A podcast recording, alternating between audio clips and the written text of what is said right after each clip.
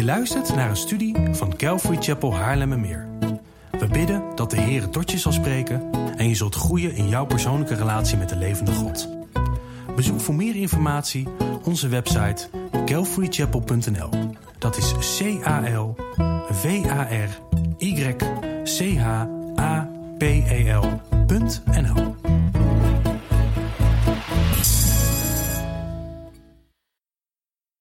Voor wij gaan beginnen aan onze studie in spreuken. ehm, we willen al een tijdje willen we, ehm, iets anders doen in de, in de dienst erbij. Niet dat we de verkeerde dingen doen, maar we denken dat we ehm, iets kunnen toevoegen. Dus we willen één keer in de maand willen we een stukje getuigenis gaan horen van elke keer rolerend iemand anders. En vanochtend is de eerste keer. En waarom gaan we nou luisteren naar een getuigenis? En ik bouw bewust een beetje de spanning op voor wie het is. Ehm, nee hoor. Ehm, maar waarom luisteren we nou naar getuigenissen? Nou, het is een heel bijbels iets om dat te doen. In Handelingen 21, vers 18 en 19 staat het volgende. De volgende dag ging Paulus met ons naar Jacobus en al de ouderlingen waren daar gekomen. En nadat hij hen gegroet had, verhaalde hij tot in bijzonderheden wat God door zijn bediening onder de heidenen gedaan had. Paulus kwam terug in Jeruzalem. Paulus kwam terug van een zendingsreis. Paulus kwam terug van het dienen van God. En hij ging getuigen naar zijn broeders, naar zijn zusters, naar de gemeente over wat God gedaan had. En dat is wat we vanochtend willen doen. Ik heb Roos gevraagd, die vond het erg eng. We hadden ook nog een hele kleine miscommunicatie. Zij wist namelijk niet dat ik het voor vandaag had gevraagd. Dus toen ik eh, vroeg, Ga je, ben je er al zeker van? Toen zei ze, oh, is het voor vandaag? Dus ehm, ik kijk er heel erg naar uit. Ik heb het nog niet gehoord. Maar ik zie uit naar wat God gaat eh, vertellen. Nou, daar sta ik dan.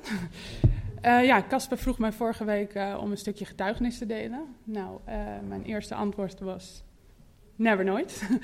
maar goed, ik kreeg snel door dat dat niet aan mij is en ik voegde daaraan toe, ik ga ervoor bidden. Ehm, ik heb er wel voor gekozen om het voor te lezen. Nogmaals, gisteren vroeg hij, heb je er nog over nagedacht? En ik dacht, nou, dat over een tijdje. Maar toen was het daar ineens. Dus ik ga het lezen en ik probeer het rustig te lezen voor, eh, voor Gerry. Nou, voor de mensen die mij niet kennen, ik ben Roos. Ik ehm vrouw van Taco, die nu in India is, en eh, moeder van twee hele lieve kinderen. Als ik aan, denk aan wat God allemaal in mijn leven heeft gedaan, dan ben ik voorlopig nog niet uitgepraat. Maar ik zal het kort houden. Vorig jaar maakte God me duidelijk dat we aan ons huwelijk moesten werken. We hebben altijd een goed huwelijk gehad, maar ik vroeg mij ineens af of dit allemaal wel goed genoeg was voor God. Zodra God iets aan het licht brengt, wordt het ineens heel erg confronterend. Met, word je ineens heel erg geconfronteerd met dingen waar je helemaal niets van af weet. We hebben ons in die tijd weer in het huwelijk verdiept door te lezen en samen preken te luisteren. In de loop van de periode zijn we nog dichter naar elkaar toegegroeid.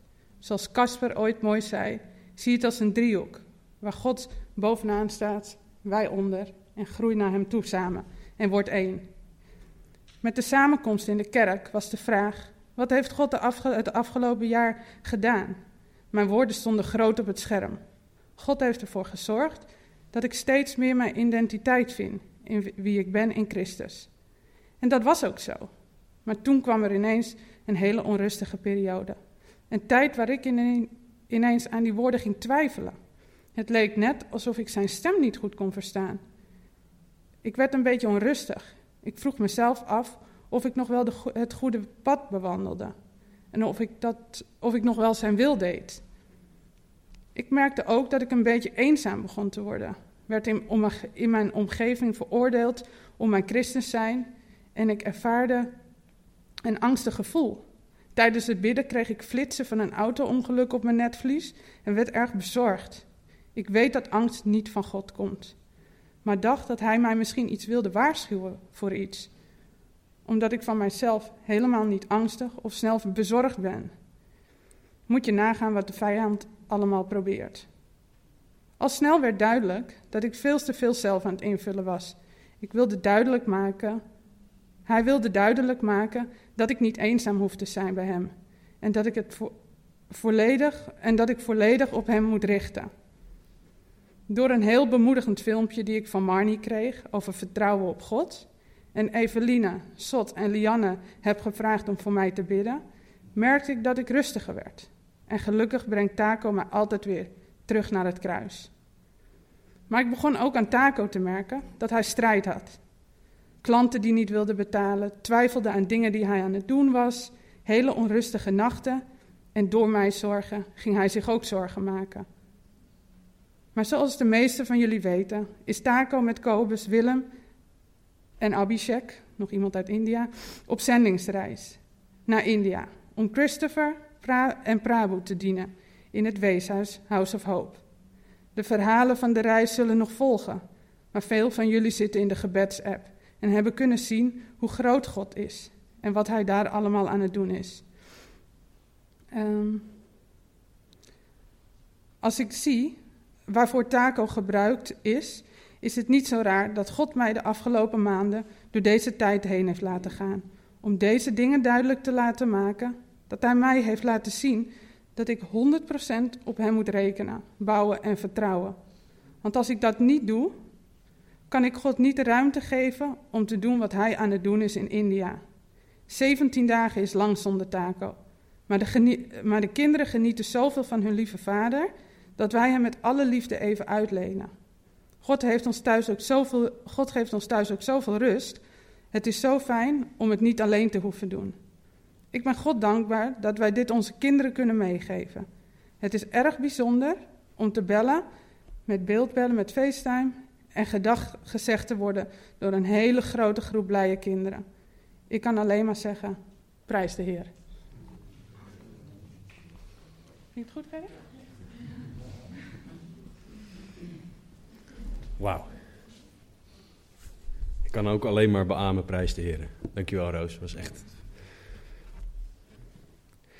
En nou moet ik een bijbelstudie gaan geven. Wat dank u, Heer. Wat bent u goed. Wauw. Prachtig hoe de Heer zo ons allemaal dingen aan het leren is. En dat is juist ook de kracht van zo'n getuigenis, dat we gaan horen waar God mee bezig is. Dus ik ga meer van jullie voor het blok zetten de komende tijd. Wacht maar allemaal op de uitnodiging. Ik zal ervoor zorgen dat het deze keer duidelijk is van tevoren voor wanneer.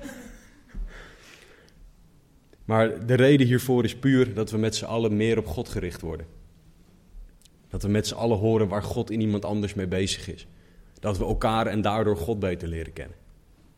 Want dat is heel erg belangrijk en dat is ook een van de functies van het, van het lichaam van Christus, van de kerk. Oké, dit gaan we dus vaker doen. Ik zie alweer uit naar de volgende keer. Dus uh, ik ga ervoor bidden. Bid alsjeblieft mee wie de volgende persoon mag zijn die zijn of haar getuigenis mag geven. Oké, ik heb één leenbijbel voor onze studie in spreuken. Heeft iemand een bijbel nodig?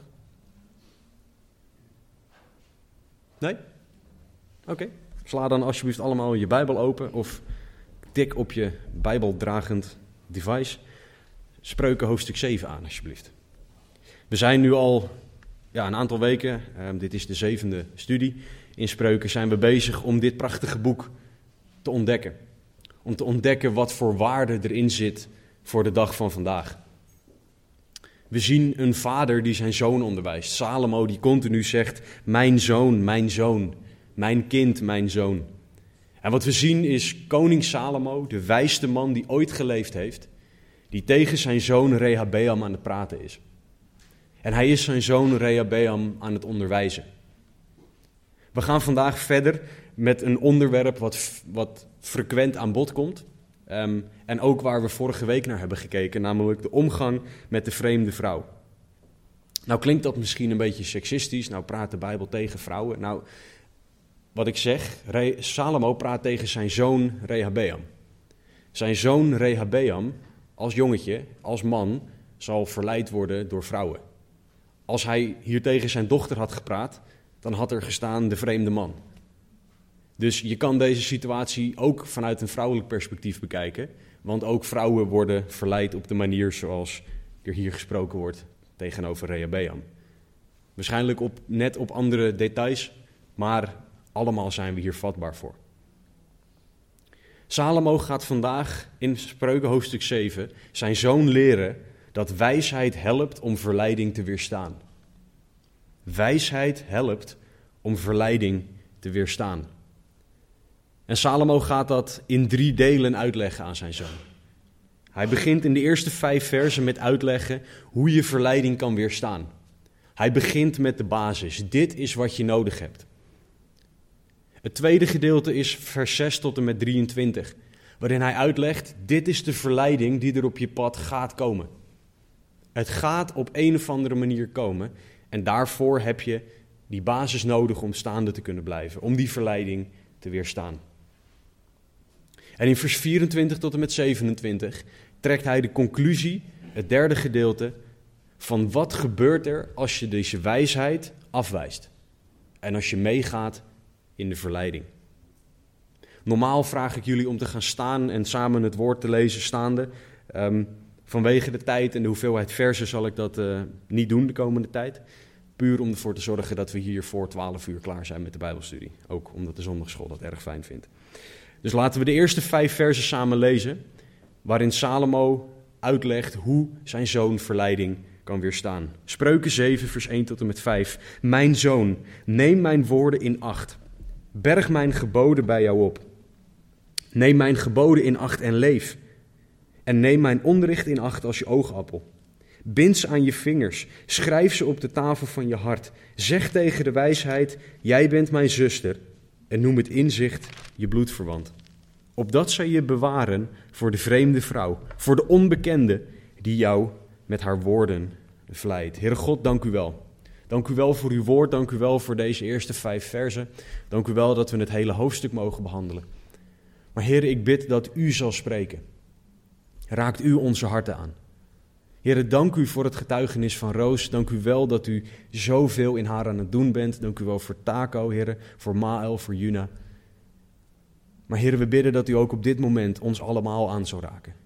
En dat u in ons allemaal een werk zal doen waardoor wij meer u gaan zien, meer op u zullen vertrouwen. Heere, spreek door mij heen, laat er geen woord van mij bij zitten, maar alleen uw woord. Heere, we vragen dat in Jezus' naam. Amen. Oké, eerste vijf versen. Salomo begint hier tegen zijn zoon te praten over hoe verleiding te weerstaan. En dat is het belangrijkste. Hij begint met het belangrijkste. Hij wil namelijk dat zijn zoon weet wat goed is en door te weten wat goed is, het fouten kan herkennen.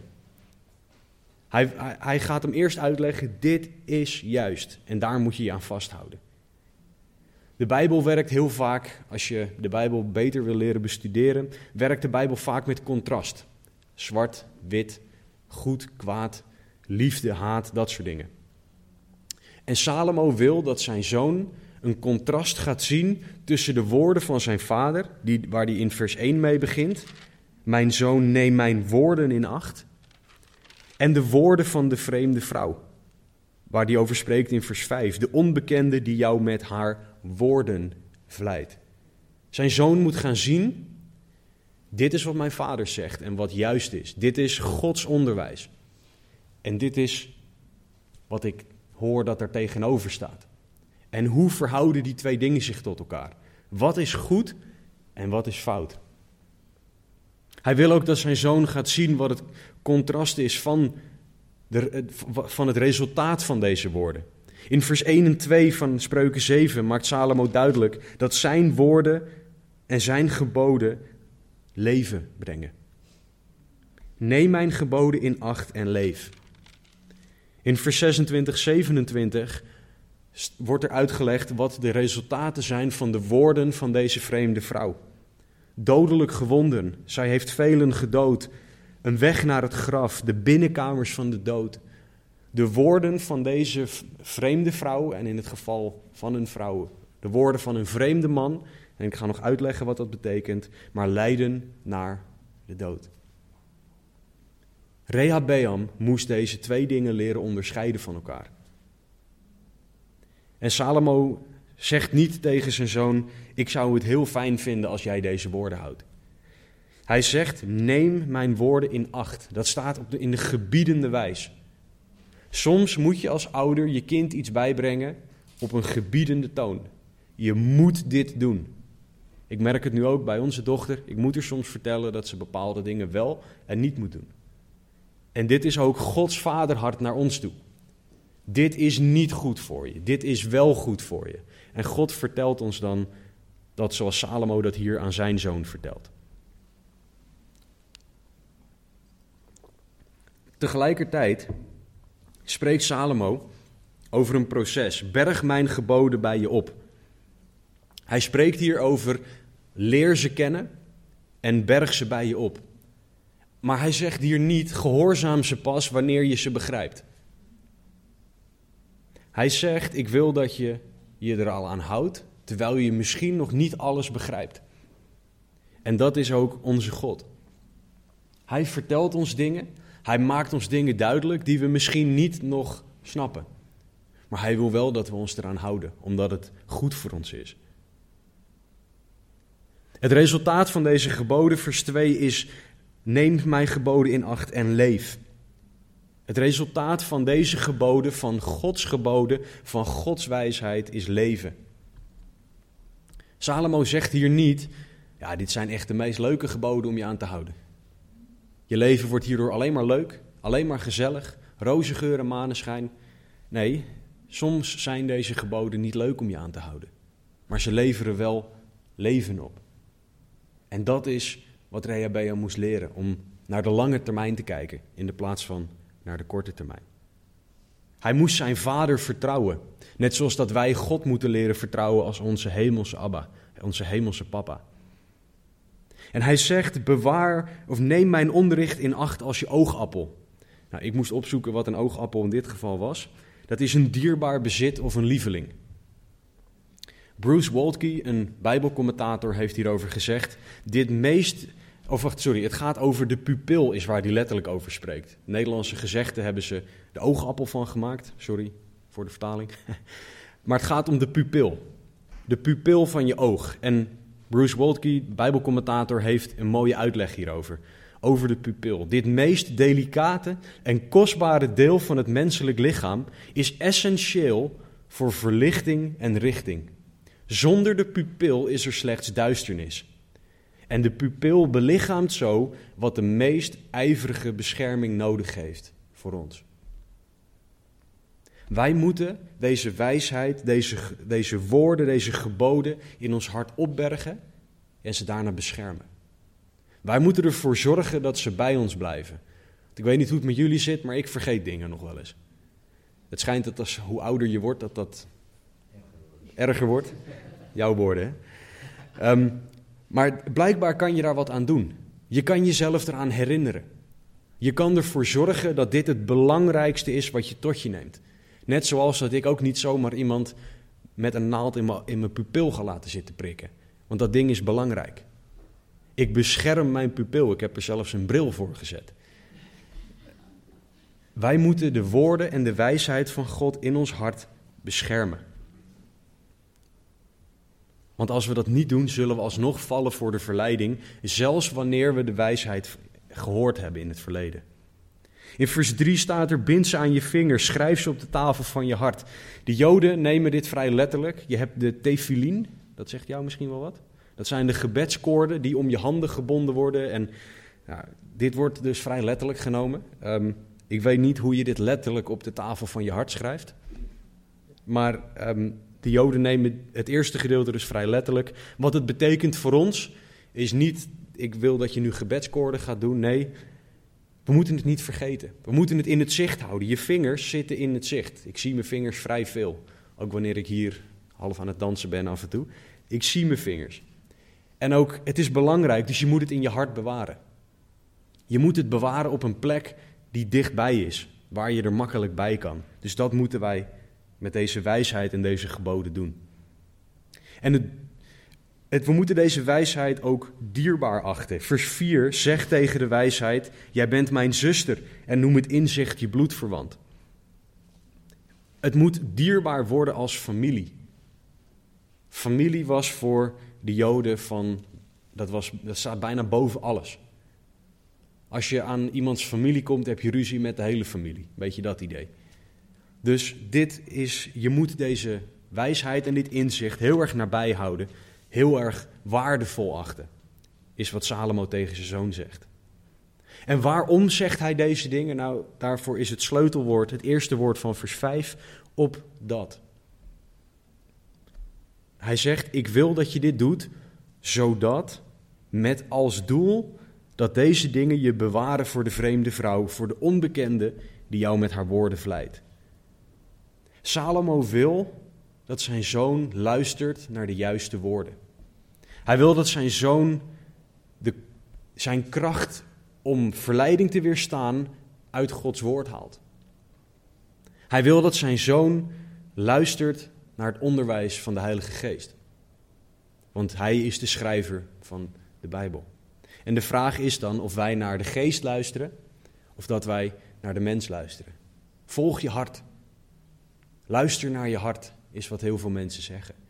De Bijbel heeft iets heel anders, iets heel anders over het hart te zeggen. Mensen hebben allerlei meningen, maar het gaat erom wat hierin staat. Wat God zelf gezegd heeft. Dat is wat ons moet, moet leiden en moet bepalen. Spreuken 3, vers 7 zegt het volgende: Wees niet wijs in je eigen ogen, vrees de Heere en keer je af van het kwade. Bij het de Heere vrezen vind je zijn woorden belangrijker dan wat dan ook. Dan je eigen gedachten, je eigen gevoelens, wat andere mensen zeggen. Je, moet, je gaat terug naar wat zegt de Bijbel nou. En dat is wat Salomo's zoon bij brengen. Te vaak zijn wij zelfwijs. Nederlands heeft daar een mooi woord voor, eigenwijs. Te vaak zijn wij eigenwijs in de plaats van God zoeken.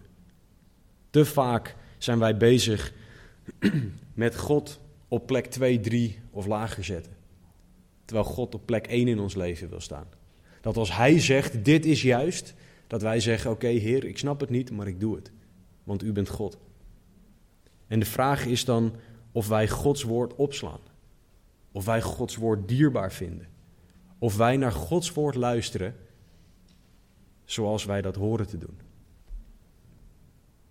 Salomo legt dit als basis voordat hij ook maar begint aan de verleiding die op het pad van zijn zoon komt. Heb jij deze basis of heb jij deze basis niet? Leg deze basis met het lezen van het woord, met het bestuderen van het woord. Lees je Bijbel, bid elke dag. Nu we weten hoe we de verleiding kunnen weerstaan, is het goed om te weten, maar wat kan er dan op ons afkomen? En daar gaat Salomo in vers 6 tot en met 23 over praten. Hij gaat praten over de verleiding door de vreemde vrouw. En hou in gedachten, wijsheid helpt om deze verleiding te weerstaan. We gaan vanaf vers 6 gaan we kijken naar iemand die vanuit de ik-vorm praat. Dat is Salomo. Hij zegt in vers 6: Door het venster van mijn huis, door mijn traliewerk, zag ik neer. Hij gaat ons een verhaal vertellen van wat hij gezien heeft, van wat hij ziet gebeuren en wat dat allemaal betekent. Hij kijkt vanuit zijn huis en hij ziet het volgende, vers 7 en 8. Ik zag bij de onverstandigen, ik merkte onder de jongeren een jongen zonder verstand op die de straat overstak bij haar hoek en die voortschreed in de richting van haar huis. Dit is de situatie. Een jonge man die niet toegewijd is aan het gebod en het onderricht van God en het onderwijs van God, loopt op de verkeerde plek op het verkeerde moment.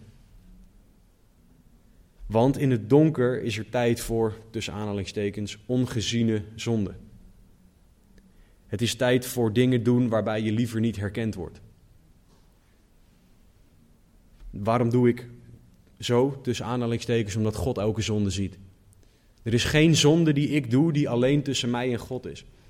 Zeker niet de zonde waar hierover gepraat wordt, seksuele zonde. Want daarmee raak ik mijzelf, mijn vrouw, mijn gezin, het gezin van degene met wie er overspel gepleegd wordt, et cetera, et cetera. Deze jonge man liep op een plek waar hij niet moest zijn, op een tijdstip waar hij er niet moest zijn. Hij liep daar in de schemering, staat er namelijk in vers 9, in de avond van de dag, te middernacht en in het donker. Dan hoort hij daar niet te zijn. Want, waarom niet? Nou, omdat Salomo een bepaalde vrouw hier gaat omschrijven. Voor de echt heel erg duidelijkheid, dit omschrijft niet alle vrouwen. Dit omschrijft niet dat God tegen vrouwen is. Dit omschrijft hoe deze jonge man verleid gaat worden. En dit omschrijft hoe mannen vandaag de dag verleid worden en hoe vrouwen, als je het omdraait nadat er hier een man deze dingen doet, hoe vrouwen ook verleid worden. Zodat ik maar even duidelijk daarover ben. Salomo die ziet hier een vrouw en omschrijft wat zij doet. En zijn omschrijving zegt veel over haar intenties, over hoe we haar kunnen herkennen. Hij begint in vers 10 met: Zie, een vrouw kwam hem tegemoet, uitgedost als een hoer. Deze vrouw was gekleed als een hoer. En wat dat betekent is dat haar kleding gericht was op: kijk naar mij. Ik wil aandacht. Deze vrouw was gericht op aandacht trekken en door haar kleding verleiden. Kleding zegt heel veel over een persoon. De, de intentie en gedachte achter kleding zegt veel over een persoon. En Salomo wilde dat zijn zoon aan kleding kon herkennen wat de intenties van deze persoon waren. Hij zegt verder dat deze vrouw arglistig van hart was. Haar kleding matcht haar hart. Letterlijk staat er dat deze vrouw sluw, listig en geslepen van hart was. Dus zij wist heel, heel, heel goed wat ze deed met de kleding die ze aantrok. Ze wist dat die kleding aandacht zou trekken, niet alleen richting haar, maar op specifieke delen van haar. Als ik het even daarbij mag laten. Deze vrouw weet wat ze wil bereiken en hoe ze het wil bereiken. Deze vrouw heeft lust in haar hart en dat komt tot uiting in haar kleding. Vers 11 zegt, zij was onrustig, letterlijk luidruchtig. De Bijbelcommentatoren die zijn het er wel redelijk over eens. Vanwege haar kleding, die als een hoer was, was dit onrustige en luidruchtige dat ze waarschijnlijk aan het zingen was. En ik weet niet of het heel mooi of heel vals zingen was, maar ze was aan het zingen met het idee nog meer aandacht trekken. Deze vrouw was gericht om in alles aandacht op zichzelf te richten. Deze mensen zijn er vandaag de dag nog steeds. Die in alles de aandacht op zichzelf willen richten. Die in alles draait het om hun. In alles moet iedereen op hun gericht zijn. En dat is wat Salomo moet herkennen. In vers 11 staat er verder nog, zij was opstandig. Dus deze dus betekent koppig. En dat, er, ehm, dat ze ehm, rebellie in haar hart had. Wat betekent dat zij kiest voor de levensstijl die ze hier laat zien. Zij gaat bewust tegen Gods wet in, is wat Salomo hier zegt. Dit overkomt haar niet, maar dit is haar keuze. Als laatste in vers 11 staat er dat haar voeten niet thuis bleven. Thuis hoort een plek van rust te zijn. Sorry, thuis hoort een plek van vrede te zijn. Maar deze vrouw vond geen rust thuis, ze vond haar rust op straat of daar zocht ze naar. En in andere dingen als seks met zoveel mogelijk verschillende mensen of überhaupt rust vinden in seks. Salomo zegt dat deze vrouw geen rust vindt, zeker niet thuis. Hij zegt verder in vers 12, nu eens op straat, dan weer op pleinen, zij loerde bij alle hoeken. Deze vrouw, zegt Salomo, is een roofdier. Zij loert op haar prooi. Ze wacht op allerlei plekken. In vers 15 zegt ze um, tegen die jonge man: Ik ben naar buiten toe gegaan, jou tegemoet, om je ijverig te zoeken en daar vond ik jou. Alsof zij alleen op zoek was naar deze ene arme, arme kerel. Zij was op zoek naar wie ze dan ook maar kon krijgen op dat moment. Ze was een roofdier, misleidend, overal loerend. In vers 13 zien we haar tactiek en ze is weinig subtiel. Ze greep hem vast, kuste hem, trok een stalen gezicht en begint tegen hem te praten. In de plaats van dat er een rustig proces van verleiden is of iets, ze stapt op hem af, grijpt hem vast en geeft hem een flinke pakkert. Deze vrouw maakt deze jonge man compleet kansloos. Want deze jonge man had niet de basis die hij nodig had om hier tegenin te kunnen gaan.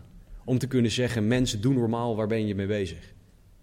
Deze jonge man had niet daar moeten zijn, had niet moeten letten op deze vrouw, had weg moeten rennen toen hij haar zag, maar hij doet geen van deze dingen.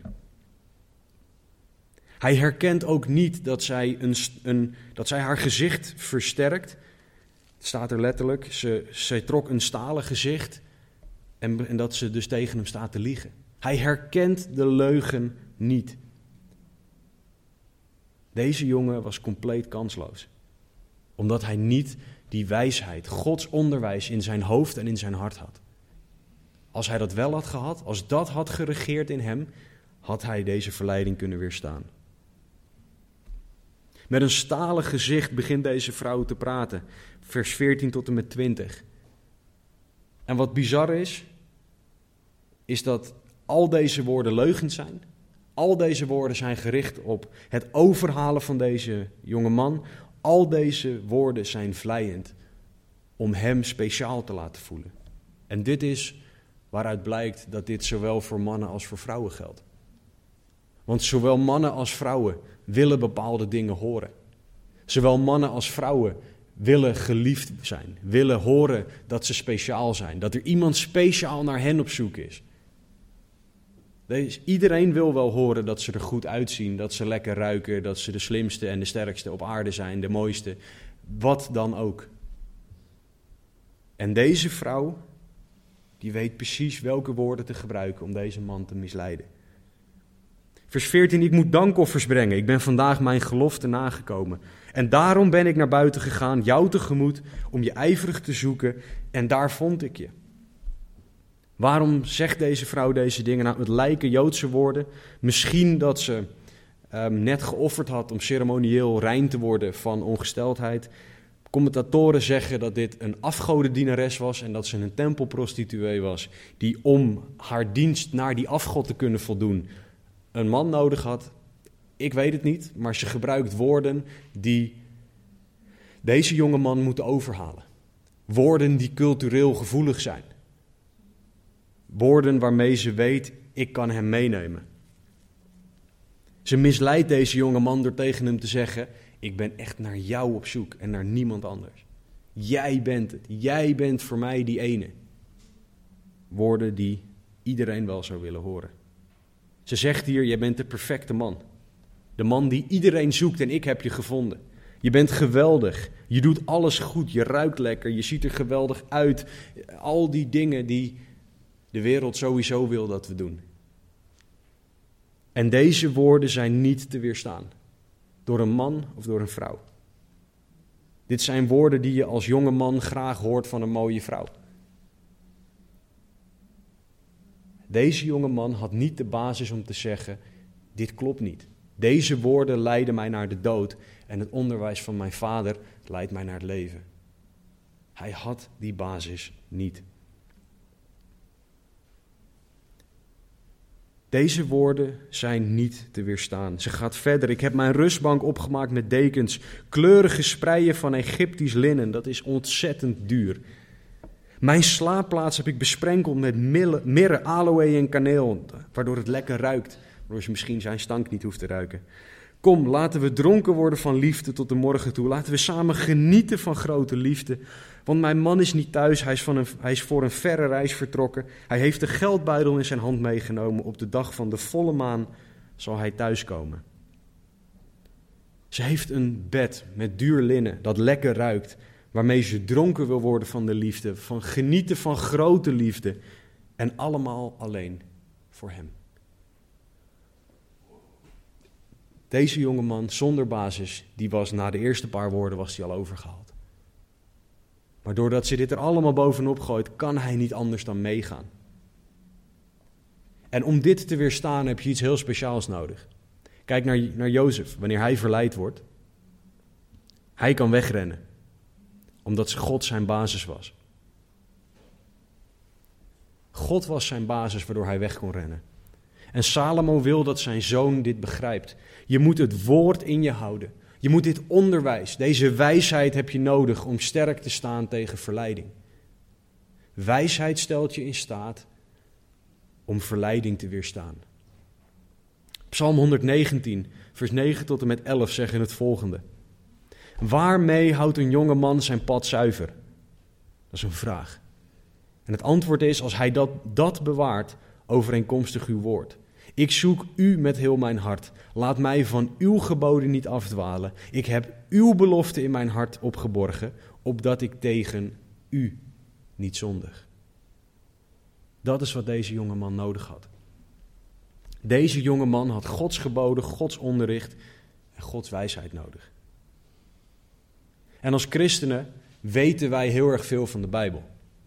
Ik hoorde een keer een voorganger vragen: wat zou er gebeuren als elke christen zou gaan handelen naar de hoeveelheid Bijbelkennis die hij of zij heeft? Wat hij bedoelde was: wij kennen veel meer van de Bijbel dan, dat we er, dan waar we naar handelen. We kunnen allemaal versen misschien wel opdreunen. We weten waar allerlei dingen staat. En dat zeg ik ook tegen mezelf, hè. Maar in hoeverre handel ik naar wat ik weet? Deze jonge man wist dit niet eens. Laat staan dat hij er naar handelde. Handel jij naar wat je weet vanuit het woord van God? Of handel je naar eigen wijsheid? Dit komt terug op de autoriteit van Gods woord. Heeft Gods woord de autoriteit in jouw leven die God wil dat het heeft? 2 Timotheus 3, vers 16 en 17, het lijf, de lijfversen van deze gemeente.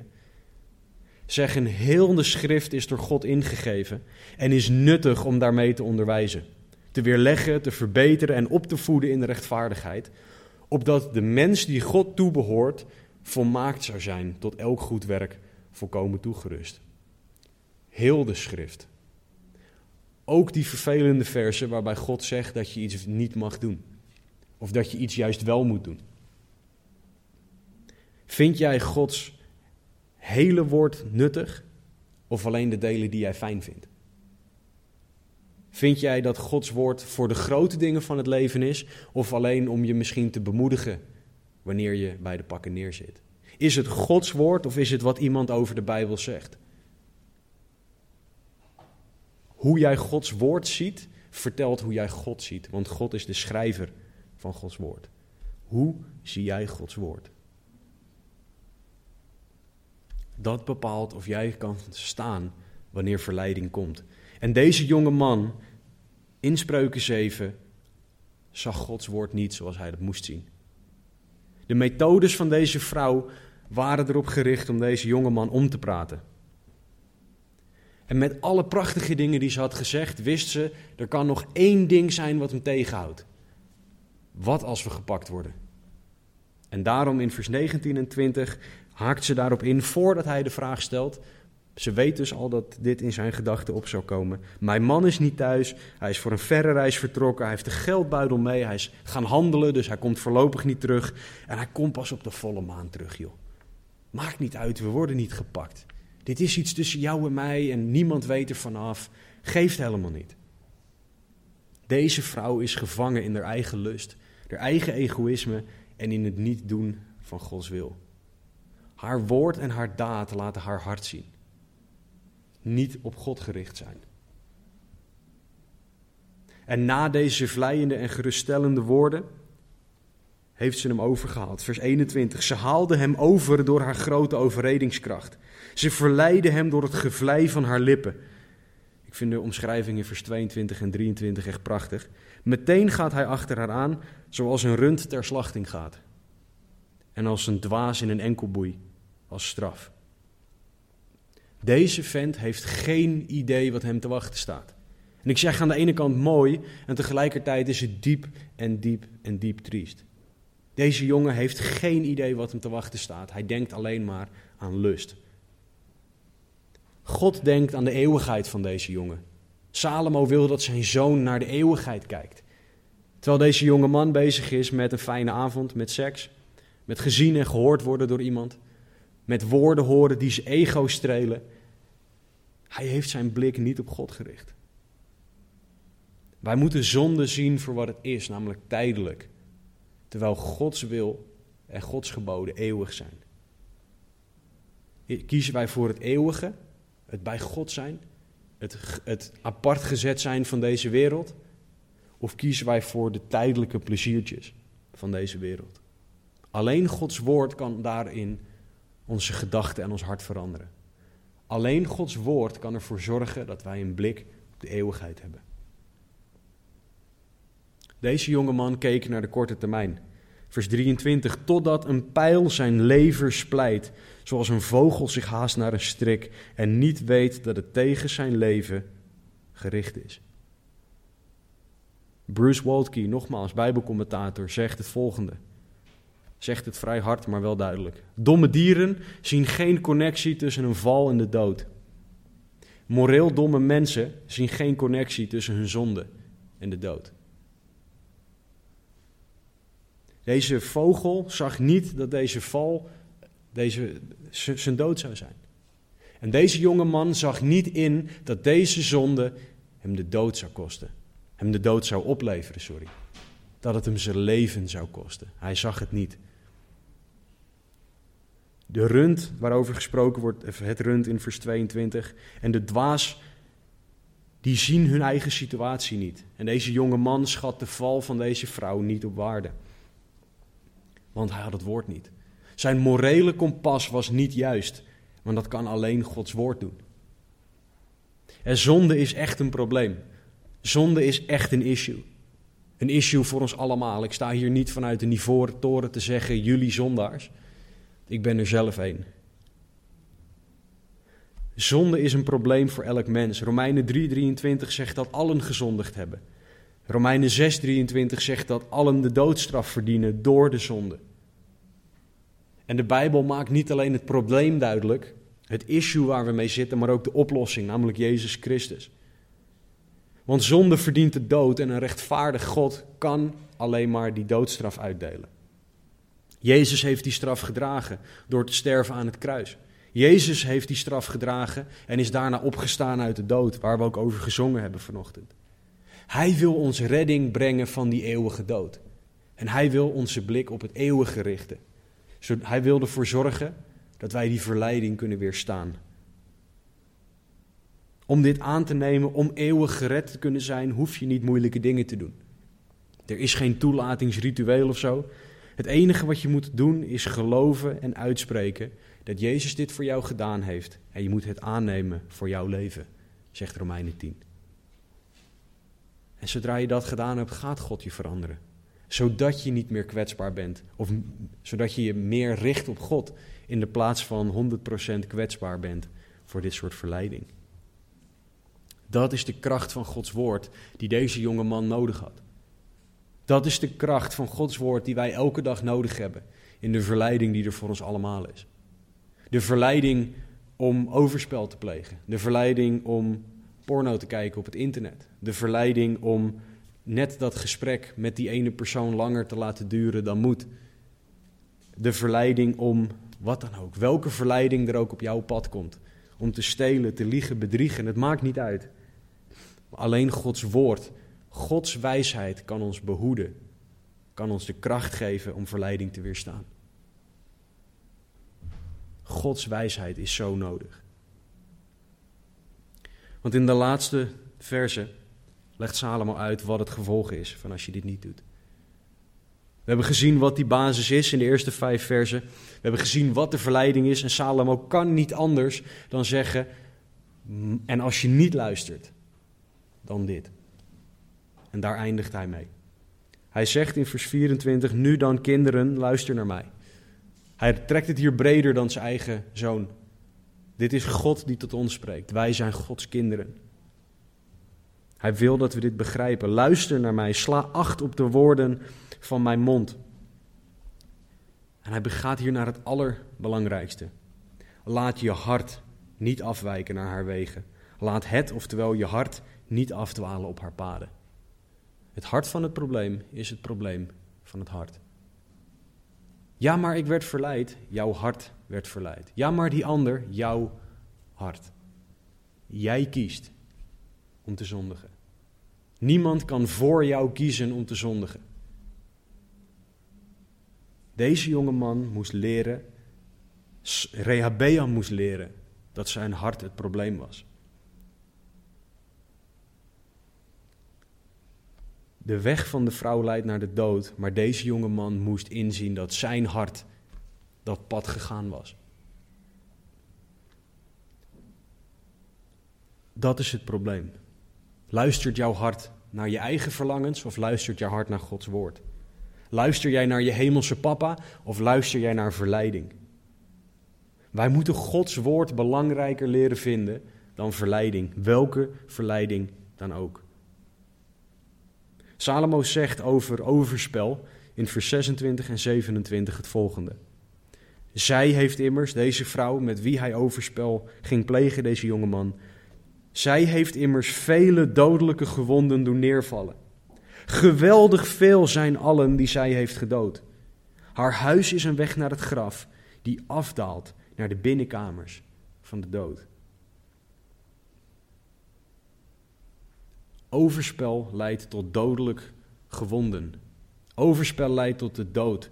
Het huis van deze vrouw leidt naar het graf en de dood. Lust pakt jong en oud en sterk en zwak en rijk en arm en slim en niet slim en wie dan ook. Achtergrond heeft hier niks mee te maken. Iedereen is vatbaar voor lust. Wat voor lust dan ook. De vraag is of wij er bestand tegen zijn door Gods wijsheid. Zonde vindt namelijk altijd een zwakke plek. Satan en zijn demonen kennen jou beter dan dat je jezelf kent. Hij weet waar jij te pakken bent, hoe jij te pakken bent. En voor de duidelijkheid, deze zonde, overspel specifiek, heeft veel dood teweeggebracht. De dood van huwelijken, de dood van relaties, de dood van lichamen zelfs door SOA's. De dood van kerken, de dood van bedrijven, de dood van zoveel dingen. En verleiding werkt zoals deze vrouw. Verleiding zegt niet, nou als je dit doet, dan, is het echt, dan gaat het echt heel slecht met je. Verleiding zal niet zeggen, drink een liter wasbenzine. Drink een glaasje bleek. Was lekker. Dan brand je je slokdarm mee open. Nee, zonde zegt, dit voelt goed. Waarom zou je hier geen recht op hebben? Maar je voelt je verwaarloosd thuis. Deze persoon waardeert je wie, voor wie je echt bent. Je man of je vrouw die zegt deze dingen niet, vindt je niet zo lief of zo mooi of wat dan ook. Maar deze persoon, nou, die ziet jou staan. Hier heb je recht op. Dat is wat zonde doet. Het klinkt goed, het klinkt verleidelijk, het klinkt aantrekkelijk, maar uiteindelijk levert het alleen de dood op. Niemand ziet het, nee, God ziet het. Het brengt dood op de aarde in sommige gevallen, maar het brengt vooral dood voor je ziel. 1 Thessalonicense 5:23 geeft ons hoop. Het geeft ons hoop, want er staat: mogen de God van de vrede zelf u geheel en al heiligen. En mogen uw geheel oprechte geest, de ziel en het lichaam onberispelijk bewaard worden bij de komst van onze Heer Jezus Christus.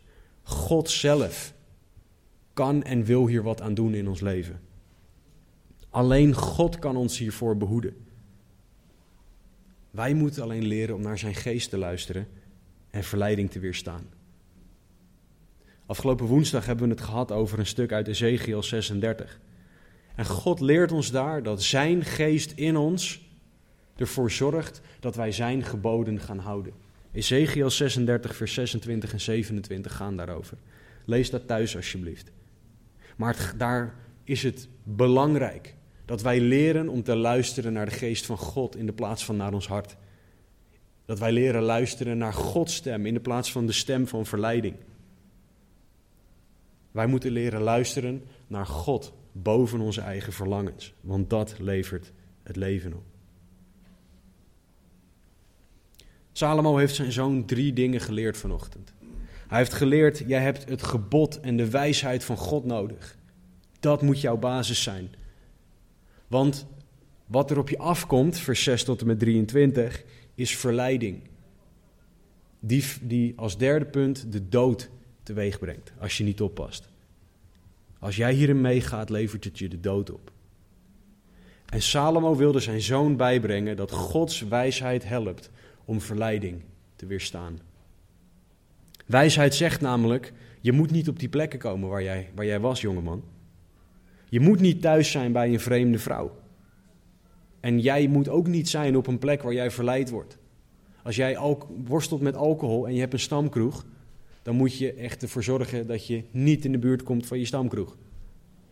Als jij moeite hebt met pornografie, dan moet je je telefoon, je laptop, je internetverbinding, alles dichttimmeren. Devices wegdoen. Je moet niet in de buurt komen van dat soort dingen. Als er een oude vlam in je leven is, moet je die verwijderen. En radicaal hard nooit meer mee praten. Want het verleidt jou tot zonde. Ja, maar ik kan misschien die persoon bekeren, daar heeft God iemand anders voor. Daar ben jij niet voor, want jij wordt verleid tot zonde. Wijsheid zegt: luister naar Gods woord. Wat betekent dat je je voedt met Gods woord, oftewel lees je Bijbel, bid elke dag.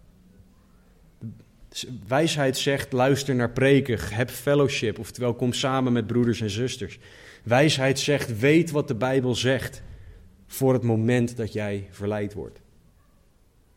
En wijsheid is er in elke situatie. In verleiding, in blijdschap, in verdriet, ontmoediging, in je eenzaam voelen. Altijd heb je die wijsheid nodig, namelijk God zelf. Wijsheid zegt iets over de rol van ouders. Ouders, voed je kinderen op zodat ze dit weten. Geef je kinderen of je kind deze basis mee. Leer ze Gods woord kennen. Leer ze Gods woord lezen. Leer ze Gods woord bestuderen en gebruiken. En nog veel belangrijker dan dit, leef het ze voor. Laat zien hoe het werkt. Want als jij zegt, lees de Bijbel, doe wat God zegt, en ondertussen doe je het zelf niet, dan zullen je kinderen gaan doen wat jij doet, niet wat jij zegt. Ik heb een keer een voorganger het horen omschrijven. Um, hij wilde zijn kinderen tafelmanieren bijbrengen, maar hij zegt: Ja, alles wat ik zeg maakt niet uit, want ze doen nog steeds hoe ik eet. Dus ze aten niet heel netjes, was wat hij wilde zeggen, omdat hij zelf niet zo leefde. Hoe ben jij als ouder? En als laatste zegt wijsheid dat God vergeeft. Want waar we naar zonde gekeken hebben, naar iemand die meegaat in overspel, waar we gezien hebben dat zonde de dood brengt, is er vergeving in Christus. 1 Johannes 1 vers 9 leert dat wij om vergeving mogen vragen. God wil jou vergeven, maar hij wil dat we het vragen. Omdat het dan een keuze van ons is. Dus als jij gezondigd hebt, als jij gekwetst bent, ga naar God toe. Want hij wil niet alleen vergeven, maar hij wil ook herstellen. God is goed. God is liefdevol, trouw. En hij zal niemand afwijzen. Hij zegt niet: Jij hebt overspel gepleegd, het is nu klaar. Jij bent niet meer te redden. God kan en wil ons allemaal redden. Dus zoek Hem voor de eerste of voor de zoveelste keer. Vertrouw op die wijsheid, want Gods wijsheid helpt ons om verleiding te weerstaan. Laten we bidden. Heere God, dank u wel. Dank u wel, Heere, voor uw wijsheid. Dank u wel dat u alle wijsheid in pacht hebt en dat u die aan ons uitdeelt. Dat u wil dat wij die weten en die begrijpen en die snappen. Dank u wel, Heere, dat u ons praktische wijsheid geeft voor elke dag. En Heere, u weet wie hier zitten en hoe ze hier zitten. U weet wat voor pijn en verdriet hier misschien zitten. Maar Heer, ik bid dat u zal herstellen. Ik bid dat u harten terug zal brengen bij u die afgedwaald zijn door verleiding. Ik bid dat u zal herstellen wat kapot gemaakt is door zonde. Ik bid dat u huwelijken zal herstellen, dat u harten zal herstellen. Ik bid dat u ons allemaal meer van uzelf zal laten zien. Heren, dank u wel dat u zo goed bent.